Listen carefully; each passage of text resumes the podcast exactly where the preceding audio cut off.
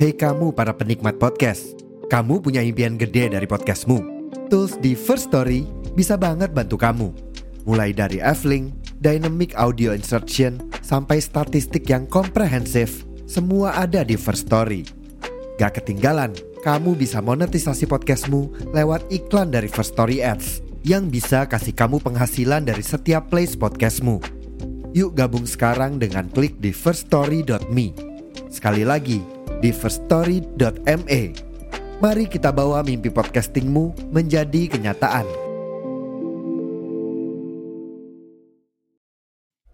Halo teman-teman semua, Assalamualaikum warahmatullahi wabarakatuh Ketemu lagi dengan aku Ainul Yakin di kisah Lelembut Official Dan di video kali ini aku mau berbagi sebuah kisah horor dari Mas Andi Seorang sahabat yang ada di Pekalongan Terima kasih buat Mas Andi yang udah ngebolehin aku buat share ceritanya Dan sekarang langsung aja kita dengerin cerita dari Mas Andi. Selamat mendengarkan. Yu prokonco Podo rumono. Aku duwe carito Mrono mrene Ono mati Tapi sebelum aku mulai ceritanya, tentunya aku nggak lupa buat ngucapin makasih banyak buat teman-teman yang telah berkenan untuk subscribe channel ini. Dan buat teman-teman yang selalu setia dengerin via Spotify, Google Podcast, dan aplikasi podcast yang lain, makasih banyak. Buat teman-teman yang selalu memberikan komentarnya yang terbaik, yang selalu like video aku juga makasih banyak. Jadi Mas Andi itu merupakan seorang pria muda berusia 32 tahun yang mempunyai satu orang anak. Tapi mohon maaf banget, anak dia seorang penyandang disabilitas. Namanya Rizky anaknya. Dan Rizky itu dia nggak bisa jalan dan nggak bisa bicara. Sekali lagi aku minta maaf ya teman-teman, bukannya aku ingin menyinggung perasaan siapa pun karena di sini aku juga penyandang disabilitas dan kebetulan anaknya Mas Andi ini satu sekolah sama aku. Dan kejadian ini dialami sama Mas Andi dan anaknya sekitar lima tahun yang lalu. Tepatnya waktu Rizky masih berusia sekitar tujuh tahun. Karena Rizky dianggap udah cukup besar, udah berusia tujuh tahun, Akhirnya Mas Andi dan istrinya memutuskan untuk membuatkan kamar sendiri bagi Rizky. Dan istrinya Mas Andi pun setuju. Istrinya Mas Andi namanya Mbak Meli ya. Mbak Meli setuju kalau saat itu juga Rizky tidurnya dipisah dari mereka. Karena Rizky udah usia 7 tahun ya, usia yang besar gitulah menurut mereka. Jadi udah saatnya tidurnya dipisah gitu. Apalagi pikir mereka Rizky itu walaupun punya keterbatasan, tapi dia kalau butuh sesuatu, kalau membutuhkan bantuan dari orang tuanya, sekalipun itu malam-malam, dia akan berteriak, memanggil orang tuanya. Walaupun maaf sekali lagi, Rizky emang nggak bisa uh, bicara seperti kita bicara normal gitu ya. Sekali lagi maaf banget. Seperti itu. Akhirnya ya udah, hari itu juga mereka mempersiapkan kamar baru untuk Rizky mereka beli kasur, bantal, dan tempat tidur ya atau dipan. Dan masalah dipan ini mereka mempercayakan kepada satu tukang kayu yang ada di desa mereka. Tukang kayu itu terkenal kualitasnya baik gitu ya kalau membuat kursi, meja, tempat tidur, lemari itu terkenal baik gitulah dan kayu-kayunya pun menggunakan kayu-kayu yang bagus gitu. Jadi ya udah mereka Akhirnya hari itu juga ke tempatnya tukang itu. Tukang itu namanya Pak Tomo ya. Dan kebetulan banget saat itu di tempatnya Pak Tomo udah tersedia satu tempat tidur yang terbuat dari kayu jati yang kelihatannya kokoh banget. Ya otomatis kan mereka langsung tertarik banget wah ini kayaknya bagus nih mah gitu katanya Mas Andi sama uh, katanya Mas Andi ke Mbak Meli ya. Ini kayaknya bagus nih terus mbak Melinya ya udah ini aja pah gitu buat Rizky gitu akhirnya udahlah hari itu juga uh, mereka oke okay, deal beli tempat tidur itu, beli dipan itu. Dan sorenya dipan itu dianterin, terus kasur juga dianterin ya udah ada di rumah semua. Mereka udah beres-beres kamar, dibantu sama pembantu rumah tangganya. Akhirnya sore itu juga kamar buat si Rizky udah siap, udah jadi. Dan malamnya Rizky tidur di kamar yang baru. Rizky ekspresi wajahnya saat itu kelihatan seneng banget ya dia punya kamar baru wah Meli juga Mbak Meli juga seneng ya wah ini anak kita seneng nih pah gitu punya kamar baru gitu iya nih mah gitu walaupun dia eh, nggak uh, bisa menyampaikan aku seneng mama papa gitu tapi kelihatan dari raut wajah Rizky itu sangat uh, berbinar gitu ya sangat bahagia gitu. Udah akhirnya malam itu mereka tidur di kamar masing-masing. Nah sekitar jam 11 malam Itu Mbak Meli sama Mas Andi Dikejutkan sama teriakan Rizky. Jadi tiba-tiba tuh Rizky teriak kencang banget dari kamarnya. Wah gitu ya teriak kencang banget gitu Dan wah kayaknya itu si Rizky pengen pipis tuh gitu Udah kan Mas Andi langsung lari Iya sabar-sabar nak gitu Langsung lari dan masuk ke kamar Rizky yang emang sengaja nggak dikunci ya tapi ternyata raut wajah Rizky itu nggak menunjukkan kalau dia tuh pengen pipis atau pengen apa gitu ya. Tapi justru raut wajahnya malah ketakutan gitu loh. Raut wajahnya itu bener-bener ketakutan pucat banget gitu kayak ya orang yang bener-bener ketakutan banget kayak apa sih raut wajahnya gitu kan. Nah Mas Andi heran kan, mah mah sini mah. Dia manggilin istrinya, manggilin Mbak Melinya buat ke kamarnya Andi kan, mah mah sini mah. Akhirnya Mbak Meli masuk ada apa pak? Ada apa? gitu. Masuk ke kamar dan Mbak Meli juga ngeliat Rizky dia bener-bener ketakutan gitu. Wah kenapa nih pak anak kita? gitu. Terus uh, Mas Andi coba tanya pengen pipis gitu. Oh iya sekedar informasi walaupun Rizky nggak bisa bicara tapi dia alhamdulillah diberi kelebihan sama Tuhan. Pendengaran dia tuh uh, normal ya. Pendengaran Rizky itu normal walaupun nggak bisa bicara. Itu jadi dia bukan tunarungu wicara tapi dia uh, tunawicara dan tunadaksa gitu. Karena dia nggak bisa jalan gitu kan maaf ya teman-teman sekali lagi. Jadi lanjut ke cerita ya. Mas Andinya waktu itu tanya ke Rizky pengen pipis nah gitu. Enggak pengen minum. Dia geleng Rizkynya itu geleng ya. Nggak jawab enggak gitu. Tapi dia geleng gitu.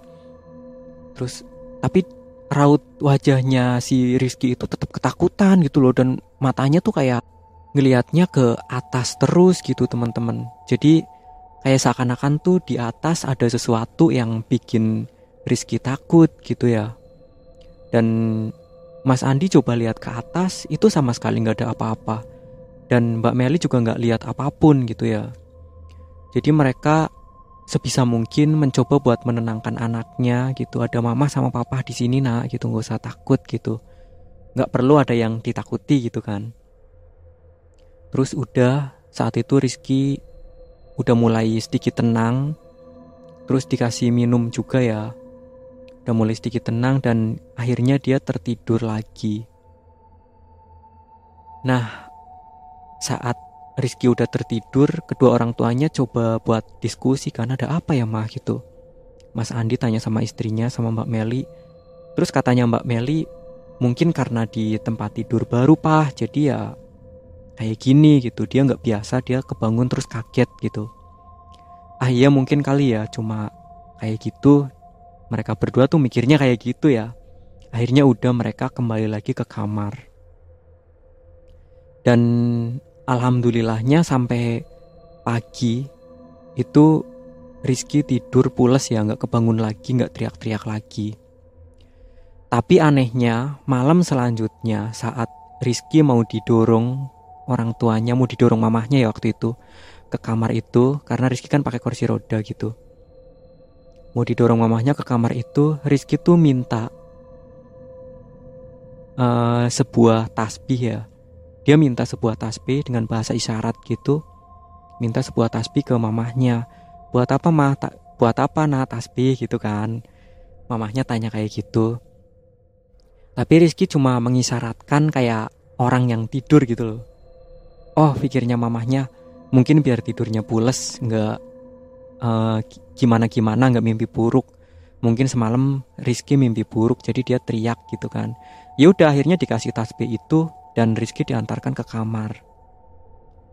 Dan udah malam itu mereka kembali tidur dan menjelang jam 12 malam mereka kembali dikejutkan sama teriakan Rizky yang persis kayak kemarin malam. Jadi bener-bener kenceng banget teriaknya dan kayak ketakutan gitu. Akhirnya mereka bener-bener heran kan, Rizky ini kenapa? gitu kan.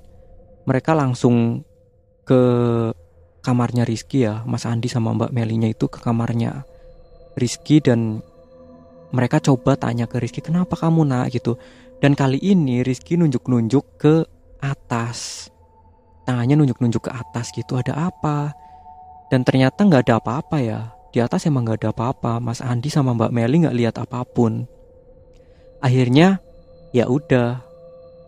Rizky coba biar tidur sama mamahnya dan Mas Andinya yang coba tidur di kamarnya Rizky. Akhirnya mereka tukar kamar kan antara Rizky sama papahnya tuker kamar gitu. Udah Rizky didorong ke kamarnya Mbak Meli dan dia tidur sama mamahnya malam itu dan Mas Andi tidur di kamarnya Rizky. Nah Mas Andi ini tipe-tipe orang yang pelor ya teman-teman istilahnya. Jadi begitu nempel bantal langsung molor gitu. Jadi dia begitu masuk ke kamarnya si Rizky, Rizky dibawa mamahnya ke kamar, ke kamarnya mamahnya sama Mas Andi ya udah Mas Andi langsung ngelanjutin tidur di kamarnya Rizky dia langsung uh, pasang posisi yang enak dan dia langsung pules ya langsung terdengar dengkurnya.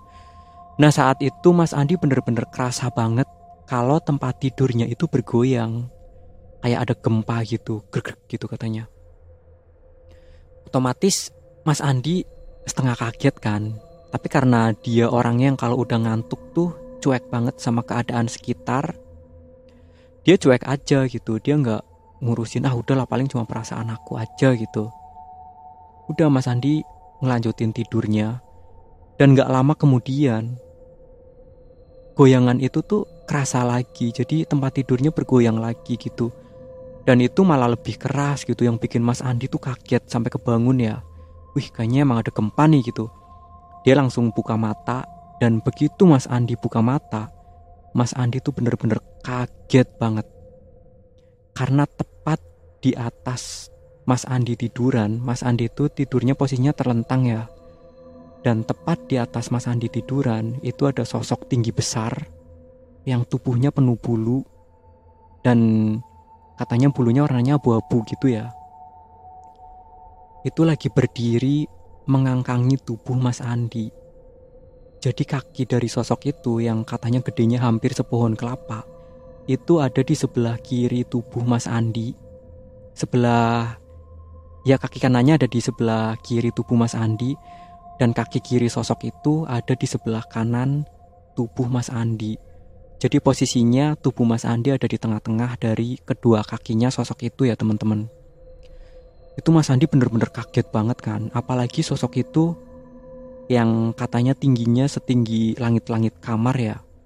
Itu wajahnya menatap ke bawah, matanya menatap ke bawah dan katanya mata dari sosok itu itu segede-gede piring tepat menatap ke arah mata Mas Andi. Mas Andi langsung baca doa sebisanya kan dan dia langsung menyimpulkan, "Oh, ternyata ini yang bikin selama ini Rizky bener-bener ketakutan setiap malam semenjak tidur di kamar ini. Ternyata sosok dari makhluk ini." Dan saat itu Mas Andi bener-bener uh, dia nggak bisa ngomong ya, nggak bisa gerak kayak tertindih gitu. Dia cuma bisa baca doa dalam hati dan nggak lama kemudian sosok itu menghilang. Setelah sosok itu menghilang, Mas Andi bener-bener sadar sepenuhnya dan dia kembali ke kamar istrinya dan mereka akhirnya tidur bertiga lagi. Dan siangnya Mas Andi langsung ke rumahnya Pak Tomo tukang kayu itu ya dia langsung menceritakan tentang apa yang dialami sama anaknya dan dialami sama Mas Andi sendiri. Dan ternyata keluar pengakuan dari Pak Tomo kalau kayu yang digunakan untuk membuat tempat tidur itu merupakan pohon jati yang ditebang dari salah satu kebun jati yang di bawahnya pernah ditemukan mayat. Jadi emang Mas Andi menyimpulkan uh, sosok itu dari pohon jati yang digunakan untuk membuat tempat tidur itu ya teman-teman. Yang digunakan untuk membuat dipan itu kayunya dan itu penunggu dari pohon jatinya yang ikut ke kayu yang digunakan untuk membuat dipan itu gitu ya. Mas Andi menyimpulkan kayak gitu dan akhirnya dia memutuskan untuk tidak menggunakan tempat tidur itu. Dia memutuskan untuk ganti tempat tidur dan tempat tidur itu cuma tergeletak di belakang rumah ya. Tapi karena itu pakai kayu jati jadi itu bener-bener kuat ya teman-teman. Itu bener-bener kuat, nggak lapuk kena panas kena hujan karena itu emang kayu jati nggak kena rayap juga dan semenjak tempat tidurnya diganti si Rizky aman ya tidur di kamar barunya sampai akhirnya dia di asrama buat disekolahkan di salah satu SLB yang juga tempat aku sekolah karena aku juga penyandang disabilitas tunanetra ya seperti uh, beberapa teman-teman yang mungkin udah tahu lah kekurangan aku gitu dan mungkin ini dulu cerita dari aku. Terima kasih buat teman-teman yang udah nonton dan udah dengerin. Sampai jumpa di cerita yang selanjutnya. Mohon maaf, tentu masih banyak banget kekurangan. Wassalamualaikum warahmatullahi wabarakatuh.